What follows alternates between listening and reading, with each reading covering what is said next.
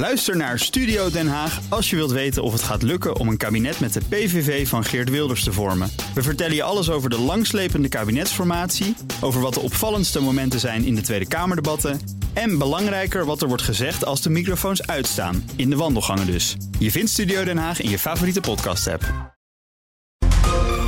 Heb jij de BNR-app al? Met breaking news in de podcast? De Cryptocast. Download de app en blijf scherp. BNR Nieuwsradio. De wereld. Bernard Hammelburg. Welkom bij het beste binnenlandse programma over het buitenland. Straks de Republikeinse presidentskandidaten vochten in hun eerste debat om de tweede plaats na Trump. Hebben ze zichzelf een beetje kunnen profileren of ging het alleen maar over de Donald? Daarover Amerika-kenner Koen Petersen en correspondent Jan Postma.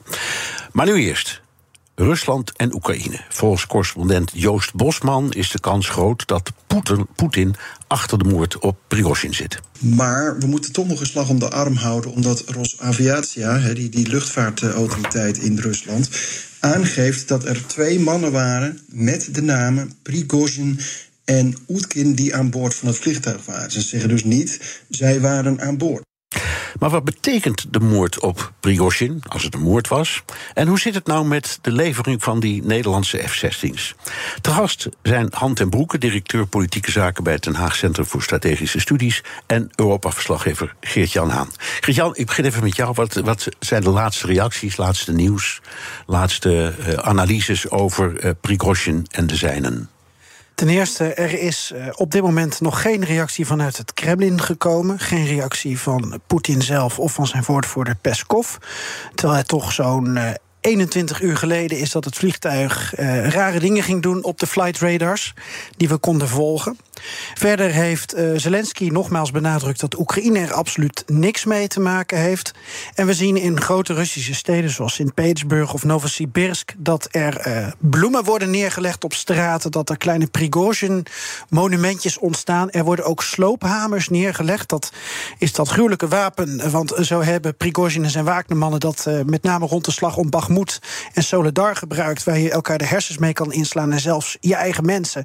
Nou, dat wapen dat wordt een soort van verheerlijkt en nu bij die monumentjes neergelegd.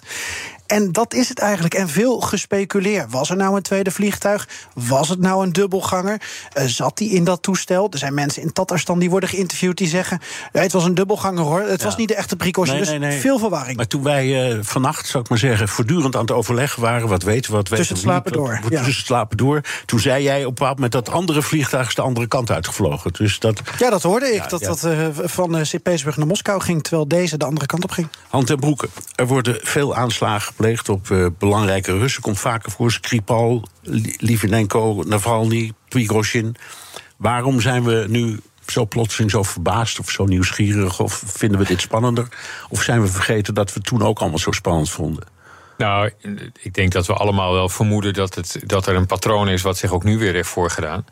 Je moet er wel bij opmerken dat het dit keer beduidend minder subtiel is dan in de voorgaande gevallen. Er is dit keer geen, uh, geen gif gebruikt. Of, uh, nou, dat raam is natuurlijk al een hele oude. Ja. Um, het signaal wat, uh, als het het Kremlin is, ik ga daar ook vanuit dat hier achter heeft gezeten. Um, het signaal naar de elite, de Russische elite, um, is natuurlijk wel heel stevig op deze manier. En ik denk dat Poetin dat goed kon gebruiken. Um, ik vind het heel interessant om te zien dat het is natuurlijk twee maanden na die opmars. Um, en vlak na die opmars was er een ontmoeting tussen Prigozhin en, en, en Poetin. En daar waren ze eigenlijk vrij openhartig over na afloop. Um, namelijk dat ze niet tot een overeenstemming waren gekomen. Dat ze eigenlijk niet. Uh, Poetin probeerde natuurlijk Wagner te onthoofden. door Prigozhin weer los te weken van zijn mannen. Maar hij is dat toch een beetje. Maar ik denk dat Geert-Jan daar meer over kan zeggen. Een soort cultheld. Um, en dat is niet, niet gelukt. Uh, toen leek het erop dat Prigozhin zijn oude leventje weer kon oppakken... mits hij zich niet met de Oekraïne zou bemoeien. Hij ging terug naar Sint-Petersburg, uh, kon weer aan zijn geld komen. Um, die Afrika-top die daar gehost werd, daar had hij een soort van zijtop bij. Hij liet zich ook weer zien in Afrika. En ja, wilde daar eigenlijk zijn oude kwalijke zaakjes weer oppakken. Ja. Uh, en nu zien we dan ineens dat het regime alsnog met hem afrekent. Want hij is een verrader en zo is hij ook genoemd. En dat is in de ogen van Poetin, zoals we allemaal weten... Ja. de enige doodzonde die niet onbestraft kan okay, blijven. Oké, vraag voor jullie allebei, Geert-Jan. Eens, wat maakt het eigenlijk uit uh, of Poetin erachter zit of niet? Uh, als die man nu die uit de weg is geruimd, verandert dat de slagkracht van de Russen in de oorlog uh, in Oekraïne? Dat valt te bezien, zei hij diplomatiek. Ja. Um, ik, ik heb zelf de, wel de hele tijd in gedachten dat uh, de dood van Prigozhin, waarmee toch wel een, een, een, einde ook lijkt te komen aan het fenomeen huurlingenleger, ook al ontstaat dat wel weer in kleine uh, ja, mate in Rusland. Er zijn wel weer andere. Maar ja. dit was een veelkoppig monster voor het Kremlin en voor het ministerie van Defensie uh, geworden. Ik heb het idee dat dat eventueel, uh, maar mijn collega Joost Bosman is het niet met me eens, dat dit eventueel zou kunnen leiden tot een versnelde mobilisatie in Rusland. Die officieel ook niet is afgeschaft trouwens, want Poetin heeft daar geen decreet voor ondertekend. Maar het enthousiasme om mee te vechten in die oorlog, dat kan natuurlijk. dat is, is ontstaan omdat er allerlei schurken en verkrachters en moordenaars konden worden ingezet uit de gevangenissen. Ja, ja en die deden het ook voor geld. En um, ja, dan moet het ministerie van Defensie die lui wel zo goed gaan betalen als Prigozhin heeft gedaan. En ze moeten binnen een structuur willen werken. Dus wat dat betreft, de mankracht, daar ben ik nog wel heel benieuwd naar hoe zich dat verder in deze ja. oorlog van Russische zijde manifesteert. Ja, je kan ook zeggen, Han, um, Poetin moest in al deze ik zal maar zeggen, chaos. een beetje laten zien dat er ook nog zoiets bestaat als eenheid vanuit Moskou. Ja. En dat bereikt hij natuurlijk wel een beetje op deze manier. Ja, zeker. Um, uh, kijk, het is overduidelijk dat, um, uh, dat, dat, ook de, het Russische leiderschap nu al sinds het begin van deze oorlog, met alle misrekeningen die daar in het Kremlin zijn gemaakt, onder zware druk staat. Alleen die zware druk hebben we eigenlijk tot die opmars van Prigozhin richting Moskou niet uh, zeg maar op televisie gezien.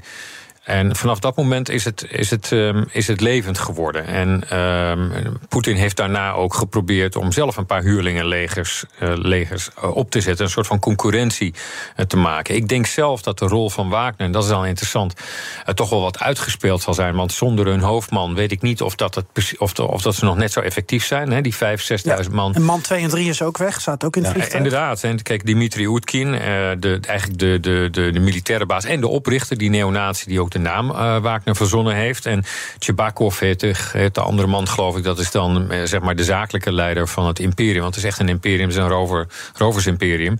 Ja, die soldaten waren vrij ongelukkig, heb ik wel eens begrepen, in Wit-Rusland. Want daar konden ze niet zo heel veel in Belarus.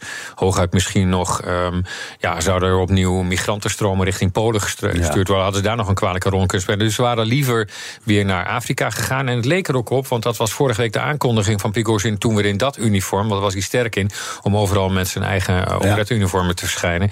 Uh, dat ze weer terug zouden gaan naar Afrika. En dat is ook waar ze groot zijn geworden, waar ze rijk zijn geworden, waar ze hun reputatie uh, hebben gevestigd. Ja, oké, okay, met jullie goedvinden gaan even naar de F-16's. Dat is het andere grote nieuws eigenlijk van de afgelopen dagen. Han, Zelensky vraagt daar nu al ruim een jaar om. Ja? Uh, de verwachting is, schrijft onder andere NRC, maar er zijn ook andere bronnen, dat, dat de Nederlandse vliegtuigen pas eind 24 zullen aankomen. Is dat niet veel te laat? Ja, dat is veel te laat. Uh, want je ziet nu dat het, um, uh, het offensief, voor zover het die naam mag hebben, en dat heeft het natuurlijk, want laten we daar niet te gemakzuchtig over doen, door al die mijnenvelden heen te komen, is vrijwel onmogelijk. Dus je kunt daar bijna geen vooruitgang boeken. Um, tenzij je hele nare um, anticlustermunitie inzet, wat de Amerikanen nu hebben geleverd aan de, aan de Oekraïnse leger.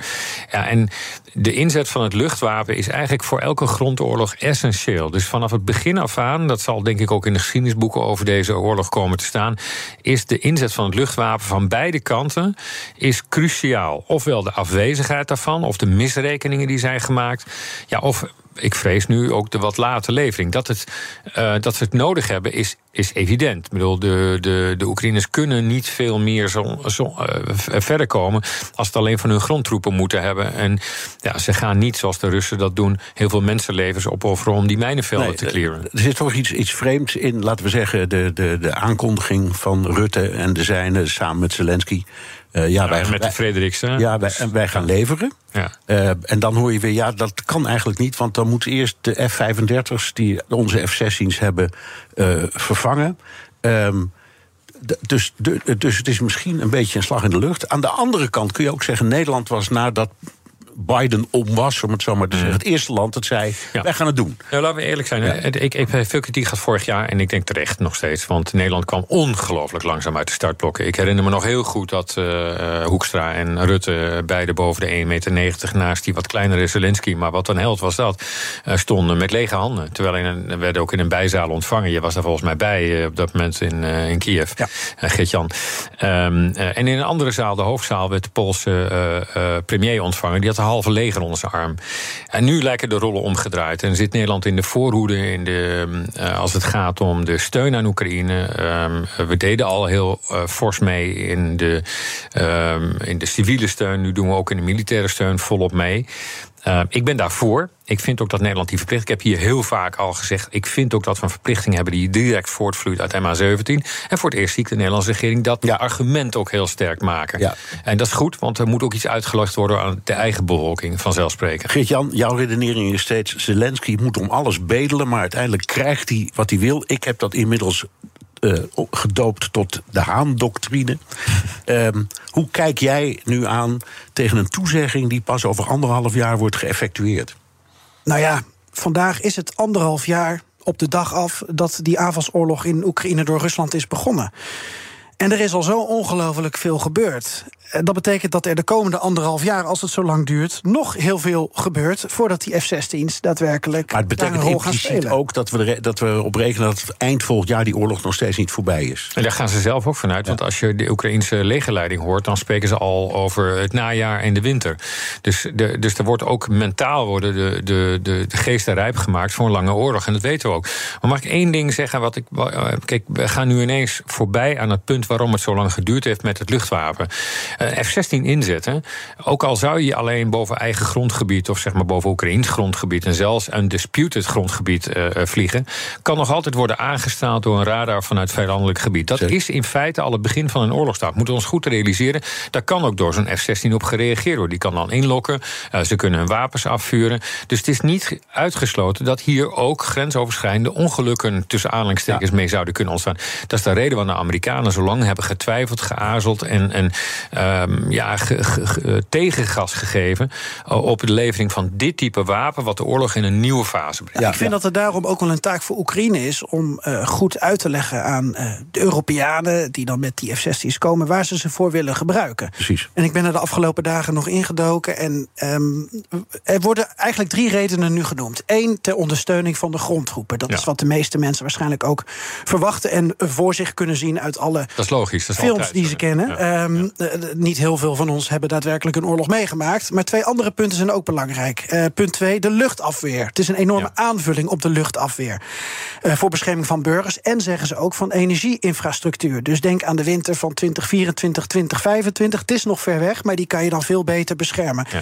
En punt drie, waar nu ook over gesproken wordt, is het beschermen van de Oekraïnse export over de Zwarte Zee. We weten, Oekraïne heeft bijna geen marine, kan niet op tegen de Russische Zwarte Zeevloot. Als je dus door middel van luchtsteun een eigen handelscorridor eh, kan beschermen, dan heb je daar ook baat bij. Dus het is niet allemaal ehm eh piu piu pauw pauw, we vliegen, we vliegen. Nee, het heeft echt een beschermende functie. Show of force. Ik denk dat nummer 1 en nummer 3 overigens van deze nieuwe Haan-doctrine um, uh, de, de, de meest uh, kansrijker zijn. Ja. Um, uh, dus, dus dat luchtwapen, het komt er nu. Nederland legt daar, zit daarin voorop. En we kunnen het ons uh, ook permitteren op het moment dat de F-35 wordt ingevlogen, zal ik maar zeggen. Um, en de Oekraïners zitten er echt om te springen om vooruitgang te boeken. Even één dingetje over taal. Uh, we horen steeds, ja, het is zo simpel niet, want die, uh, die Oekraïnse piloten moeten Engels leren. Maar vooral de mechaniciens. En het onderhoud van die dingen is een megaklus. Ja. En ik had, Geert-Jan, ik heb het met jou al over gehad. Jij hebt Oekraïens en Russisch geleerd. En dan denk ik, dan moet het toch voor een Oekraïner ook mogelijk zijn om Engels te leren. Is dat nou zo ingewikkeld? Nou, mijn docent Russisch zei wel, het is alsof je aan de Olympische Spelen meedoet. En, en, en heb vooral het gevoel dat meedoen belangrijker is dan winnen, want het gaat ja. je niet heel makkelijk af. Um, ik heb dit ook nagevraagd, zowel bij Oekraïnse bronnen als bij uh, Nederlandse bronnen binnen, binnen Defensie, hoe het nou zit. En ik denk dat dat ook voor, waar, voor, voor luisteraars waardevol is. Moet het nou per se in het Engels? Ja, dat moet. Dat weet jij als geen ander, Bernard. De Amerikanen stellen dat gewoon als keiharde eis. Ja, ja ze kennen maar één taal. Dat is zo simpel is het. Ja. ja dat is ook de reden waarom al, dat, al die nonsens over Europees leger uh, zo snel moet de kop moet worden ingedrukt. Want binnen militairen moeten met één taal spreken, want ja. anders gaat het mis. Nee. Betekent niet dat als ze eenmaal die training hebben. Uh, doorstaan. Ehm, dat ze uiteindelijk in een stadium komen dat ze elkaar uh, in het Oekraïens bepaalde dingen van die F-16 gaan leren. Je hebt het over vliegers, over ingenieurs, over onderhoudslui. Alleen dat is dus niet de basis. Dus wat gaan we nu krijgen? Je krijgt over een paar maanden een trainingscentrum in Roemenië. Roemenië levert de basisinfrastructuur. Daar dan stonden krijg je, ook al Nederlandse F-16's. Dan krijg je inderdaad Nederlandse F-16's erbij. En je krijgt dus Amerikaanse ondersteuning. Lockheed Martin, maar Ja. vooral de subcontractor Draken International. Die gaat dus e- trainingen even verzorgen. En dat krijg je dan. Zijn, eh, Han, zijn dat nou die trainers of zijn het de echte? Want je hebt een tweepersoons F-16. Dat is, Ja. Die worden in Nederland gebruikt voor trainingen. Ja. Maar bijvoorbeeld in Israël hebben ze niet anders dan twee zitters. Ja. En, en je hebt ook één zitters. Welke, Ja. welke zijn het nu? We hebben er nog 42. Ik Ja. neem maar dat het eh, vooral eenzitters zijn. Maar dat durf ik eerlijk gezegd niet eens te zeggen. Zo eh, groot is mijn specialisme dan ook weer niet. Ik herinner me wel dat toen, we, toen ik nog Kamerlid was... hebben we natuurlijk herhaaldelijk F-16's uitgezonden. Het is het meest ingezette Nederlandse wapen... na de Tweede Wereldoorlog, of na de, na de val van de muur... na de Koude Oorlog dus. Dus altijd het luchtwapen kan niet onderschat worden. En je moet je voorstellen, we hebben ook in Libië herinner ik me... ik geloof toen zes F-16's naar een Italiaans eiland. Ja. Mijn, eh, En daar vlogen er vier van. Daar gaan er gemiddeld. 200 mensen mee. Ja. Ja, ja, ja, ja, het is een enorme operatie. Het is echt een enorme operatie. Ja, ik En- vergelijk het altijd een beetje met eh, Formule 1. Zo'n racewagen die komt ongeveer na elke drie rondjes moet hij een pitstop maken. Ja. En dat geldt voor F-16's ook. Dus, Volkomen terechte vergelijking. eh, waarbij de Formule 1-coureurs, dat zien we tegenwoordig op, die, eh, op, de, op zondag, eigenlijk alles, alle aanwijzingen vanuit de kop van, meekrijgen. Maar een Formule of een, een F-16-piloot toch nog besluiten heel erg zelf moet nemen. Dit is BNR De Wereld. Mijn gasten zijn Han ten Broeke, directeur politieke zaken bij het Den Haag Centrum voor Strategische Studies. En BNR's Europa-verslaggever Geert-Jan Haan. Today, we can announce that the Netherlands and Denmark commit to transfer F 16 aircraft to Ukraine and the Ukrainian Air Force. one more step to strengthen the air shield of Ukraine, F-16 aircrafts that we will use to keep Russian terrorists away from Ukrainian cities Ja. and villages. Dat waren Mark Rutte en eh, Zelensky met de vertaler. eh, op de vliegbasis Eindhoven. Eh, Han, ehm, we hadden het al over. De Amerikanen wijfelen en twijfelen voortdurend. En dat begrijpen we ook wel. Maar we hebben, ik- ik heb de indruk dat Joe Biden met één voet op het gaspedaal staat. en het andere voet op de rem. En dat geldt dan voor F-16's. Het geldt ook weer nu voor die nieuwe die lange afstandswapens die ze graag willen En hebben. waar, waar de Britten ondertussen wel een, een wapen hebben geleverd wat die afstand kan overbruggen. Ja. De Fransen het volgens mij overwogen, of misschien ook als Maar waarom die twijfel? Is dat omdat hij de Russen steeds een, een signaal wil blijven geven dat hij niet alle registers opentrekt? Ja, dit, dit is communiceren met de inzet van een wapenarsenaal. En ehm, de Amerikanen hebben tot nu toe, vind ik, die eer moeten we ze dan ook maar gewoon bewijzen. ehm, voortdurend de juiste inschatting gemaakt. Hun intelligence is altijd puik op orde geweest. Daar hebben we in het verleden heel veel kritiek op gehad. Denk aan de Irak-oorlog. Ehm, en, ze hebben ook, ehm, ehm, eh, ze hebben in ieder geval escalatie eh, weten te voorkomen boven een, een, eh, een level, een niveau waar we met z'n allen heel erg shaky van zouden zijn geworden.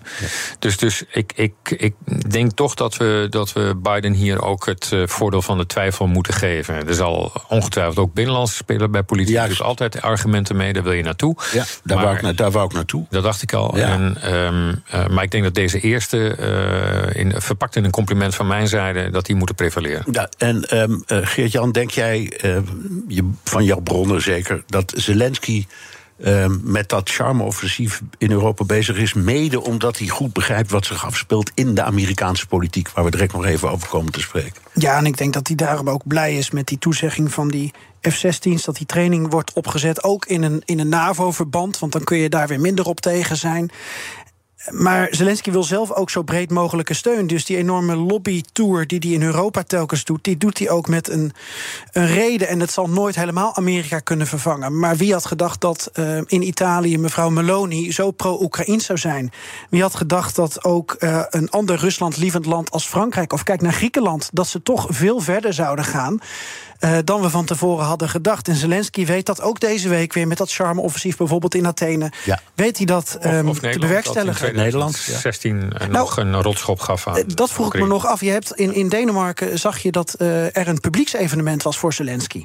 En Denemarken is een land, net als Nederland, dat geen recente onderdrukking kent. Dus ik vond het toch heel bijzonder als je dat zou vergelijken met Centraal- of Oost-Europa, waar die ook op handen wordt gedragen. Ik vond het bijzonder om te, zoen, uh, te zien hoe in zo'n westers land Zelensky als een held werd ontvangen. Ja, maar je kan het ook zeggen, hij was al een keer geweest en toen heeft hij de koning ontmoet. Dus misschien dachten ze dat hebben we al gedaan. Maar duizenden mensen op de been. Ja, dat is waar. Dat is waar. Het is wel een oorlog hè, waar we het over hebben. Ja, ik, ik, ik, ben in die zin blij, omdat we dan op ons eigen deel van het Europese continent uh, toch blijken zien van het besef van wat vrijheid waard is. Ja, even naar uh, waar we, de, de, aankondiging kwam al. zeg ik, nou hier komt hij dan. Hè. We, moeten, we moeten praten over wat er gebeurt in Amerika.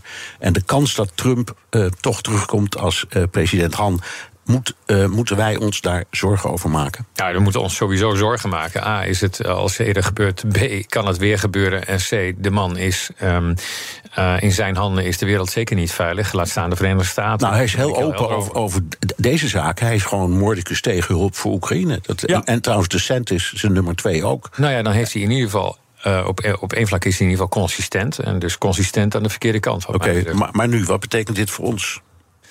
Nou ja, als, als hij opnieuw gekozen zou worden, dan um, betekent dat voor Europa dat we um, nog sneller moeten doorgaan met uh, wat um, in, in vele ogen nu zeg maar Europese strategische autonomie kan het bijna niet aan mijn mond krijgen. Want die autonomie is zo'n onzin.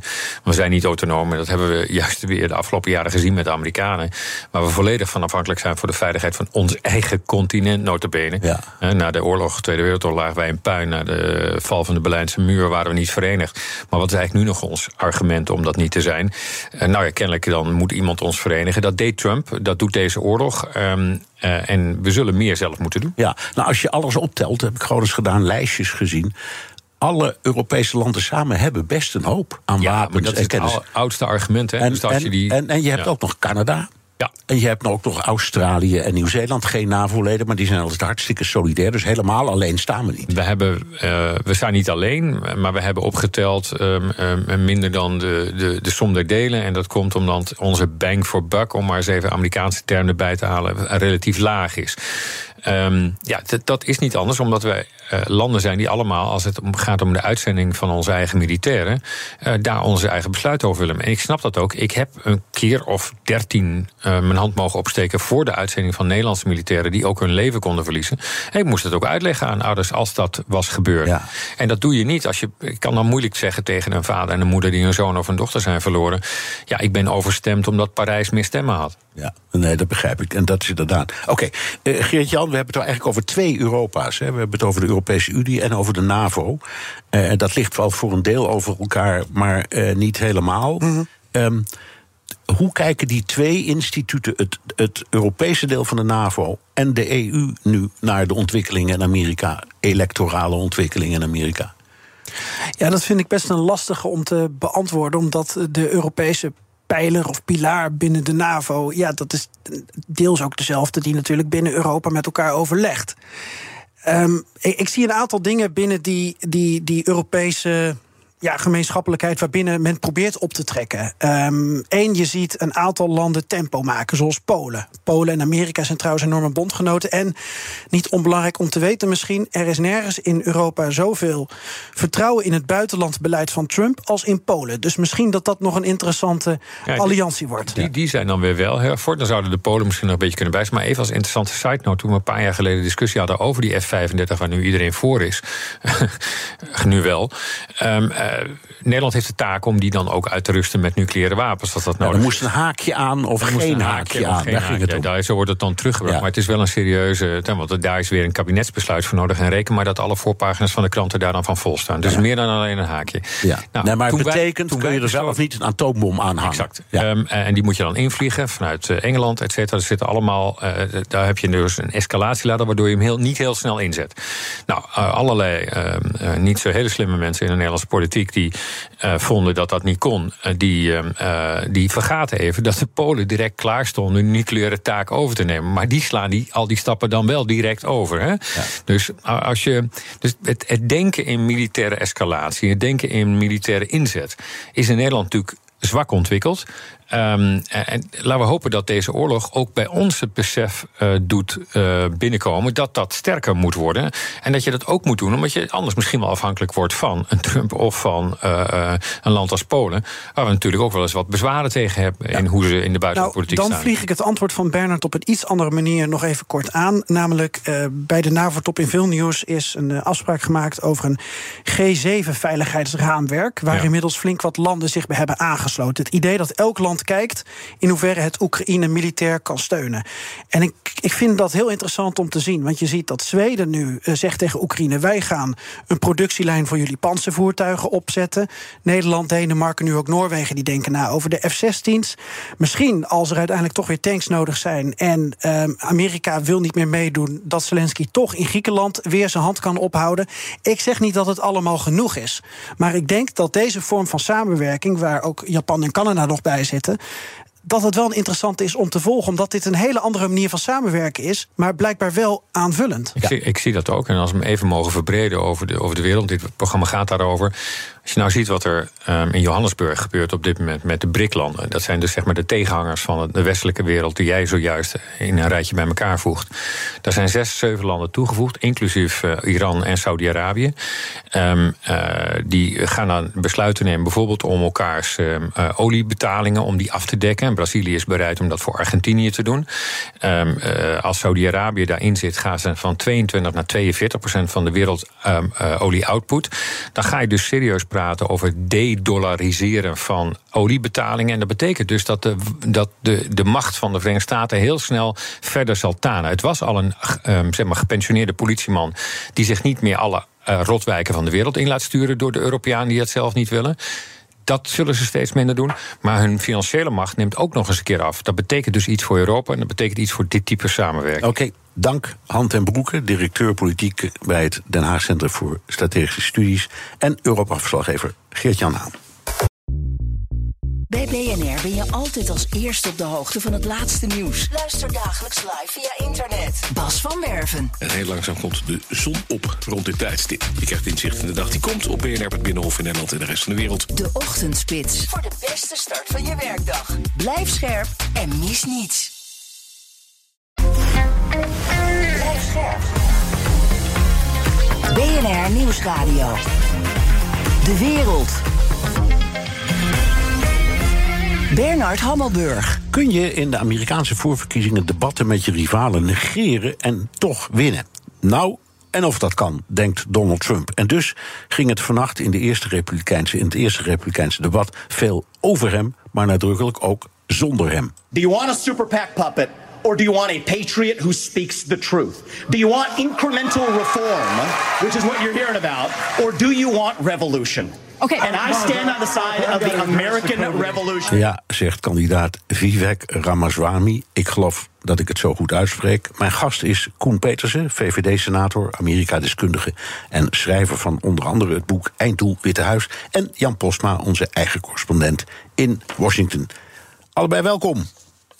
Goedemiddag. Ja. Goedemiddag. Jan, eerst uh, even naar jou. Uh, jij bent degene die. Jij zat bovenop dat debat, zo gezegd. Uh, vat het even samen. Hoe ging het? Nou, het was heel chaotisch, uh, want uh, de moderators die hadden het niet echt in de hand. En daar maakten de, de, de, deelnemers flink gebruik van. Maar het was ook behoorlijk vurig. Er waren echt een paar flinke confrontaties. Er werd echt wel veel de, de aanval gezocht. Iedereen wilde natuurlijk opvallen in dit debat. Maar uh, het voelde toch ook wel een beetje als het debat van de reserves. Want ja, je zei het al, de grote uitdager die was er natuurlijk niet bij. En het was niet zo dat het de hele tijd over Trump ging. Maar hij was er wel steeds een beetje. Hij, hij kreeg zijn eigen segment. Het publiek juichte bij Trumps standpunten. niet meer geld naar Oekraïne, dat soort dingen. Daar waren ze echt enthousiast. Ze waren boos als er kritiek op Trump was. Uh, op twee na durfde geen van de kandidaten echt kritiek te hebben op Trump. Dus uh, ja, het ging veel over hem. En bijna iedereen, elke kandidaat had wel zijn momentje. Maar ja, het voelde voor mij een beetje alsof je naar een Grand Prix kijkt zonder Max Verstappen. Max Verstappen sorry. Je ziet iemand anders winnen. Uh, maar bij alles denk je, wat nou als hij wel had meegedaan? Ja. En je weet eigenlijk het antwoord al. Dus het is denk ik niet echt die, die, ja, het moment van grote verschuiving. Ja, Koen, je kunt dus zeggen, dit, dit was gewoon een, een, uh, een debat met Trump als uh, belangrijkste onderwerp, toch? Ja, dat zou je kunnen zeggen, maar er is opvallend veel over inhoud uh, gesproken. Er werd gesproken over Oekraïne, er werd gesproken over abortus. Uh, er werd gesproken over klimaat. Dus uh, mij viel op dat er juist relatief weinig over Trump werd gesproken. Alleen toen de vraag werd gesteld: steunen jullie de uiteindelijke officiële presidentskandidaat van de Republikeinen, de genomineerde? En dat is een vraag die elke nomineerde nog kan, kan opleveren. Waarschijnlijk wordt het Trump, zoals het er nu naar uitziet. Uh, maar dat was eigenlijk de enige keer dat er echt over werd gesproken. En voor de rest in die uh, kleine twee uur uh, behoorlijk weinig. En vond ik het debat echt op de inhoud, op de thema's ook gaan. Dus je kunt zeggen wat, wat die deelnemers hadden gehoopt. Namelijk, ik zal maar zeggen, dat ze zich een beetje konden profileren. Jij vindt dat dat ook wel eens gebeurt? Ja, ik denk dat er twee zaken waren waar ik zelf heel erg nieuwsgierig naar was. Eén was hoe presenteren de kandidaten zich die opeens voor een heel groot publiek uh, zich bekend kunnen maken. En dat zou ook in de peilingen nog iets voor ze kunnen betekenen. Want mensen stemmen niet op kandidaten die ze niet kennen. En de tweede was, komt er uit die groep van uh, acht kandidaten nou iemand naar voren die echt als leider van die groep, als het beste alternatief voor Trump, naar boven komt. En dat viel me wat tegen. Ja, daar komt direct nog even over, want jullie mogen lijstjes maken natuurlijk. Hè. Um, Jan, uh, wat vind jij? Vond jij, had jij het gevoel dat ze zich een, een, toch wel een beetje profileerden? Ikzelf, ik heb stukken van het debat gezien, ik zeg er maar bij. Ik vond dat wel, al, al waren het niet heel overtuigende profielen, maar laten we zeggen, het waren goede kennismakingen. Dat wel. Ja, ja, dat denk ik ook hoor. Dat vond ik wel. En, en uh, het is inderdaad waar, er, er werd over van alles gesproken. Maar ik heb wel het gevoel dat overal Trump daar dus wel boven hing. Uh, dat was waar iedereen aan dacht. Um, ja, en, en ik denk dat iedereen, elke kandidaat had wel even een momentje. En, en daar is natuurlijk iedereen naar op zoek, want iedereen wil zich presenteren. Iedereen wil laten zien dat hij er is. Uh, dit is voor veel kiezers Republikeinse kiezers het eerste moment dat ze intunen. Hè? Dus dan wil je laten zien wie je bent. En nou, iedereen keek natuurlijk daarbij naar Ron DeSantis. Dat is de man die na Trump in de peilingen het hoogste staat. En ik had het gevoel, die haalde een beetje een zesje. Net genoeg. Hij, hij, deed een beetje zijn ingestudeerde monologen. Had daar ook wel succes en applaus mee hoor. Maar hij viel niemand echt aan. En kwam ook, vond ik wel, een beetje geforceerd over. En ja, de opvallendste, je liet hem net al horen. Uh, Vivek Ramaswamy 38 jaar, biotech-ondernemer, miljardair. Um, de moderators die waren dus wat slapjes. Eh, en hij was denk ik degene die daar het eh, beste van profiteerde. Op zijn eerste uh, debat trouwens. Hij pakte echt steeds zo'n momenten. Had confrontaties met Christie, met Pence, met Haley. Um, hij viel echt op. Dit is echt belangrijk voor hem, want heel weinig mensen kenden hem nog echt. En hij heeft echt zijn visitekaartje afgegeven. Uh, ook al introduceerde hij zich trouwens met... jullie denken vast, wie is dit dunnige mannetje met die rare achternaam? En dat is natuurlijk de tekst van uh, Obama. En daar werd hij natuurlijk ook meteen op aangevoerd. Ja, ja, ja, ja. Oké, nou, heren, hier komt de clichévraag, maar hij moet toch. jullie hebben er allebei een beetje gerefereerd. Uh, als je praat in, uh, in, in, in zin van winnen van een debat, dat is de vraag die we altijd stellen. Wie heeft gewonnen, Koen?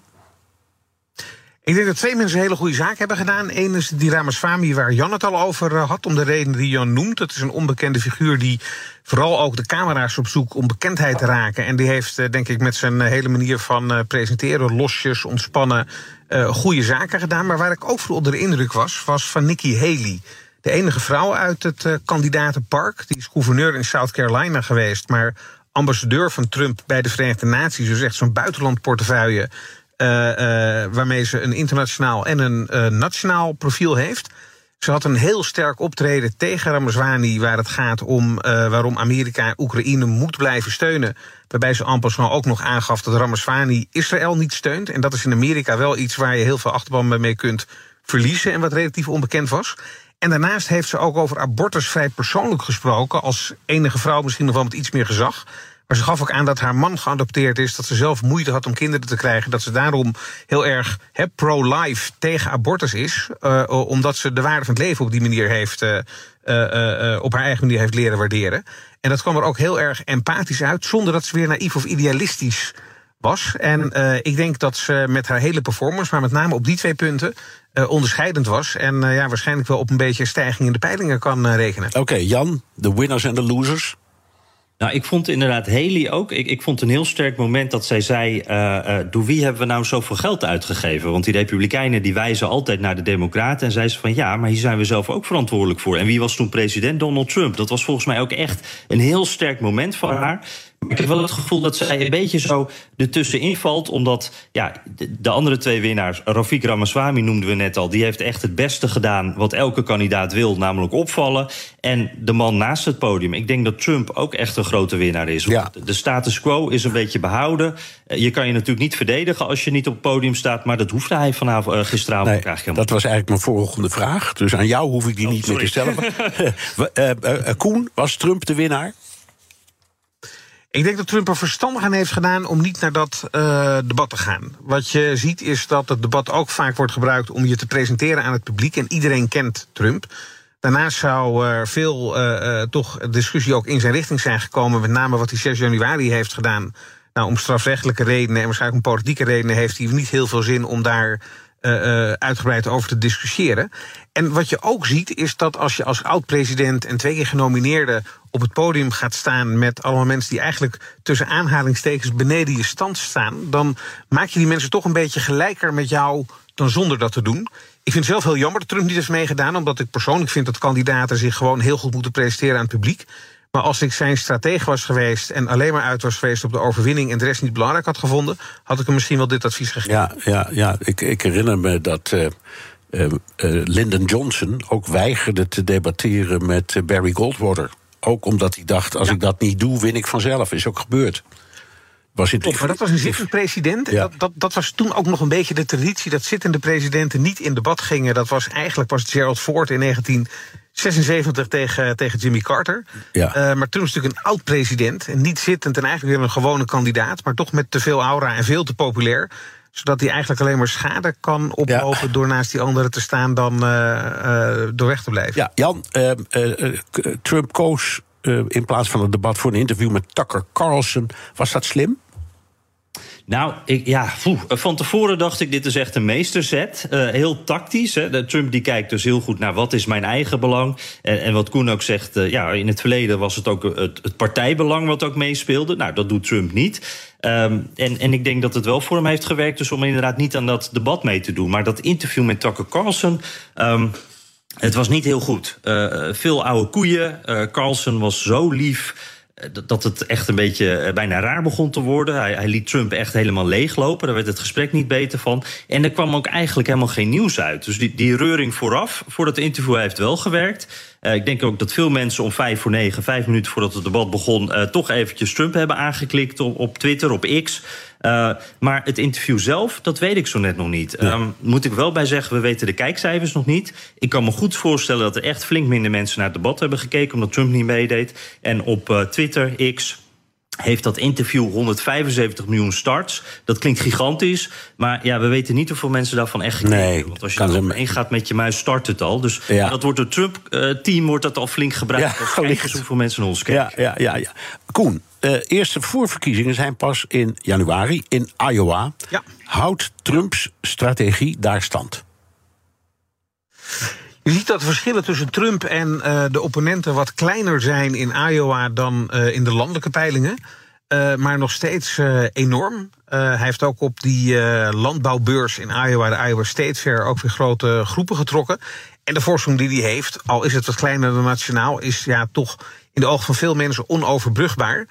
Ehm, dus het, het, het is de vraag hoe dat werkt. Wat wel interessant is, is de vraag hoe voor het Iowa-publiek eh, het niet naar het debat gaan is eh, overgekomen. Omdat in Iowa het gebruikelijk is dat politici echt de burgers opzoeken en niet omgekeerd, heel nederig zijn. Die gaan naar de snackbar, die gaan naar de benzinestation, Ja, ja, ja. naar het buurthuis. Het noemen we retail politics, hè? Retail politics, exact. Dus niet volle zalen die naar jou komen, maar jij gaat bij de mensen thuis langs, als het ware. En de vraag is wel of, of dat hele gevoel van: ik heb de nominatie al binnen, je hoeft eigenlijk die voorverkiezingen niet meer te houden.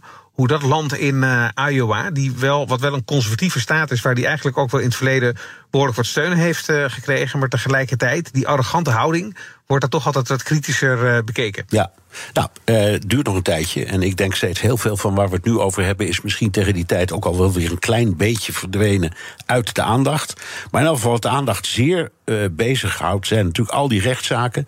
Vandaag laat Trump zich arresteren bij de gevangenis in, in Georgia. Koen, even voor de duidelijkheid, waar gaat het nou precies over?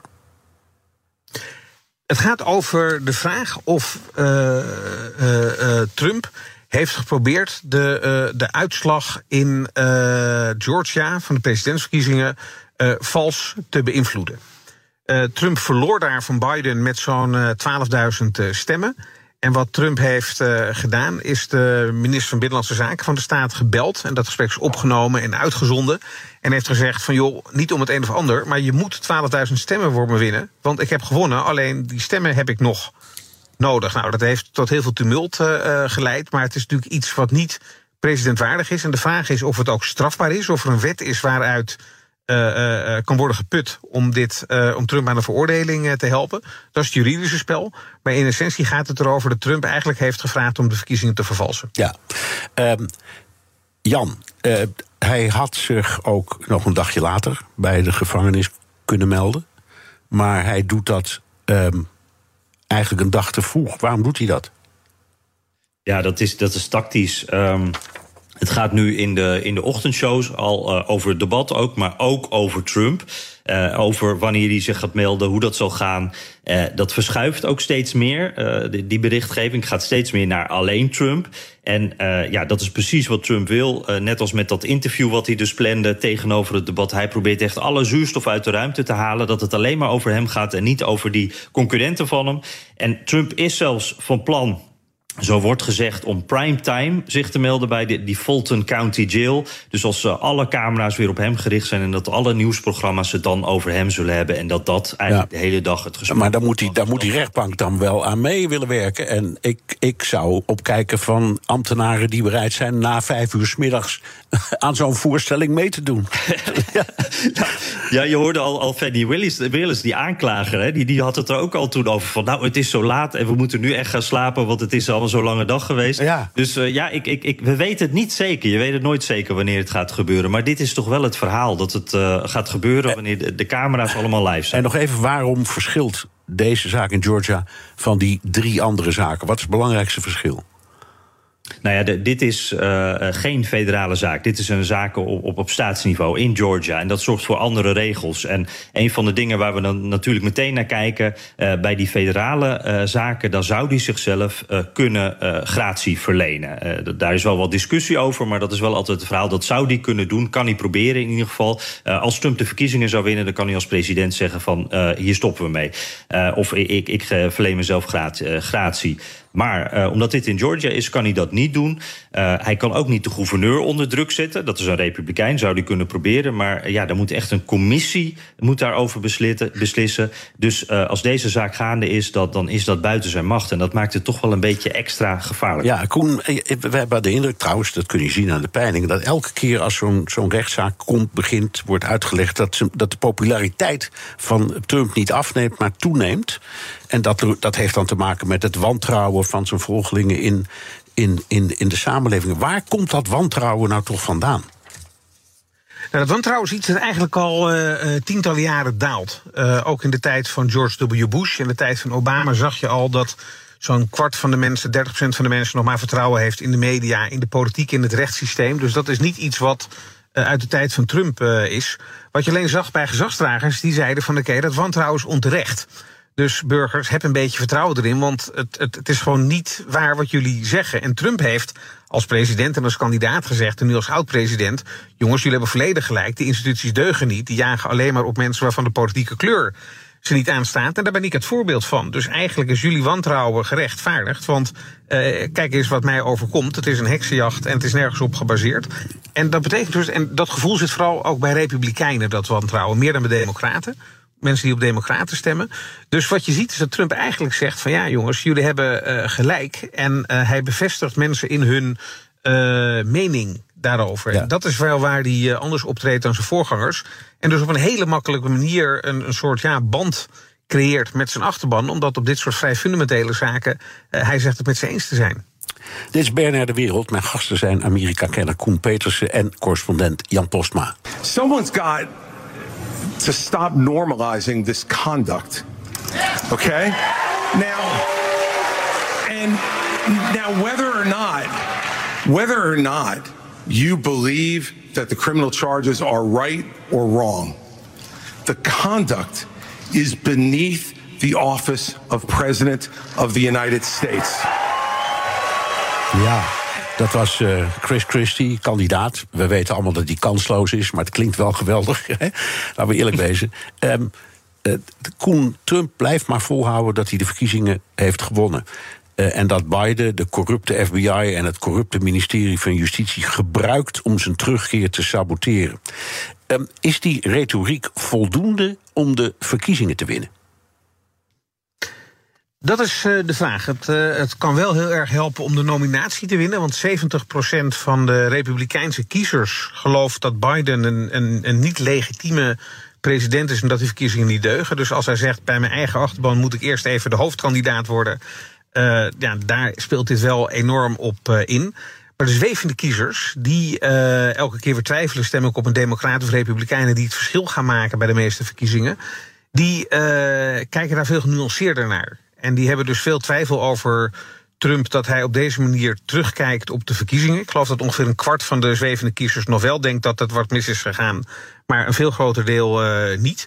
En dit is ook de groep die, uh, die uh, strafzaken tegen Trump echt wel eigenlijk iets vindt wat niet past bij een president. Dus veel meer in die lijn van Chris Christie zegt, zit en zegt van ja, dat gedrag past er ook niet nee. bij. Je kan prima beoordelen hoe je met Noord-Korea moet omgaan. Maar als je een pornoster moet afkopen omdat je een affaire met haar hebt gehad.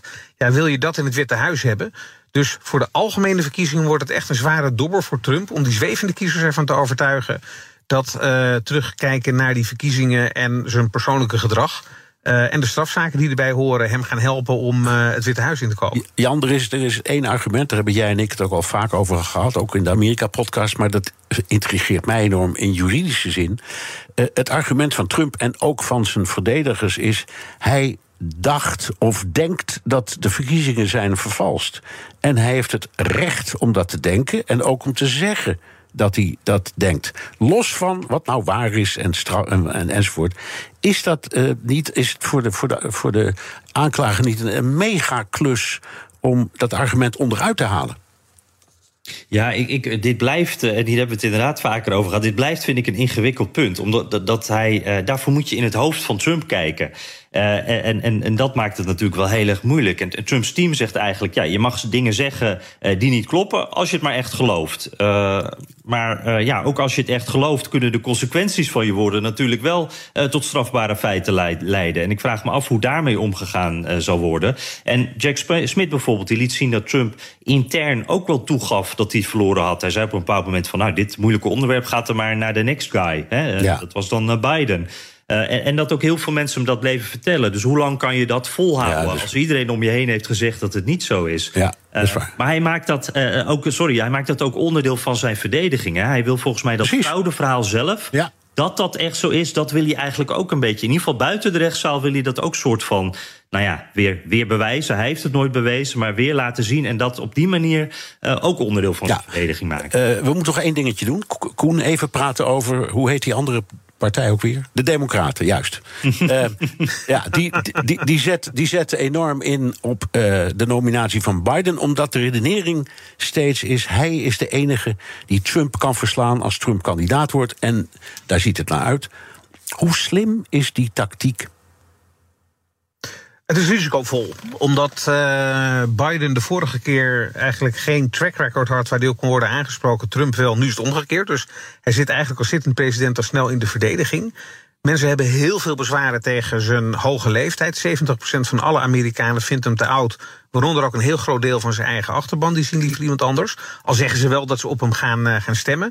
En hij heeft grote problemen met zijn zoon, die uh, uh, met, de, met het onderwerp is van strafrechtelijk onderzoek. Hunter Biden. Waar de rol van Biden, ja, Hunter Biden, en waar de rol van Joe Biden zelf eigenlijk steeds iets in zijn eigen nadeel verandert naarmate er meer informatie op tafel komt. En ook dat is een tikkende tijdbom waarvan niemand weet of die afgaat en hoe zwaar die is. Maar ik zou in dat opzicht toch niet graag in de positie van Democraten willen staan. Die hopen uh, Trump uit het Witte Huis uh, te houden. Want Biden kan een meer kwetsbare kandidaat zijn dan de Democraten hebben ja, gehoopt. Ja, Jan, is dat ook jouw um, gevoel? Er is nu een speciale aanklager aangesteld, ook in die Hunter Biden-zaak. En dan denken heel veel mensen: waar rook is, is vuur. Hoe zie jij dat? Ja, en dit is ook echt wel een raar verhaal hoor. Hunter Biden had een deal met justitie. Uh, toen ging de rechter daarvoor liggen. Het was echt al bijna rond. En een week later is er ineens een speciale aanklager nodig. Wat, wat is er in de tussentijd dan veranderd aan die situatie, vraag je dan, af. Is dit, uh, ja, het kan ook een beetje zijn als een soort voormaatregel... Uh, om een schijn van klassenjustitie tegen te gaan. Een grote druk van republikeinen ook natuurlijk. Maar het kan toch ook zijn, en dat is hoe het normaal dan gaat... dat er dan dus bewijs is, dat er een reden is om door te onderzoeken. en, en ja, hoe dat ook loopt... Uh, in ieder geval is Hunter Biden echt wel op dit moment ook een politiek probleem voor Joe Biden. En met deze speciale aanklager heeft dat, dat verhaal wat al zoveel. Het zijn zoveel geruchten geweest, steeds die Republikeinen steeds naar voren duwden van kijk hier nou naar. Uh, en nu zit daar een soort officieel stempeltje op, omdat daar dus ook een speciaal aanklager is. Dus dat Ja. is echt problematisch. Ja, ja. Eh, Koen, ehm, was het uh, het idee van wij zetten Biden in, want die wint sowieso gewoon fout. Verkeerde strategie. Hadden ze daar ook voor verkiezingen moeten houden? Nou ja, op zichzelf uh, is uh, als er een serieuze tegenstander is... en er zijn er twee die toch wel ver meer scoren... dan een aantal kandidaten die we gisteren bij de Republikeinen op het podium hebben zien staan... past het denk ik wel bij een democratisch proces om dat te doen. ik denk dat democraten een ongelooflijk groot risico nemen. Maar aan de andere kant, als Biden echt serieus binnen zijn partij was uitgedaagd... met officiële voorverkiezingen... dan laat het verleden zien dat elke zittende president die dat overkomt... de verkiezingen verliest... Dus het is uh, kiezen tussen uh, door de hond of de kat uh, gebeten ja. worden. Okay. Maar ik zou in dat opzicht toch als democraat er niet gerust op zijn. Nee. Dank, correspondent Jan Postma vanuit Washington... en Koen Petersen, VVD-senator, Amerika-deskundige... en schrijver van onder meer het boek Einddoel Witte Huis. Wilt u meer horen over dat fascinerende land? Luister dan naar de Amerika-podcast van Jan en mij. Er komt er dadelijk weer één online. En tot zover BNR De Wereld. Terugluisteren kan via de site, de app Spotify of Apple Podcast. Reageer kan via een mailtje naar dewereld.bnr.nl. Tot de volgende week. Ook Thomas van Zeil vind je in de BNR-app. Je kunt live naar mij luisteren in Zaken doen. De BNR-app met breaking news, het laatste zakelijke nieuws... en je vindt er alle BNR-podcasts, bijvoorbeeld Het Nieuwe Geld. Download nu de gratis BNR-app en blijf scherp.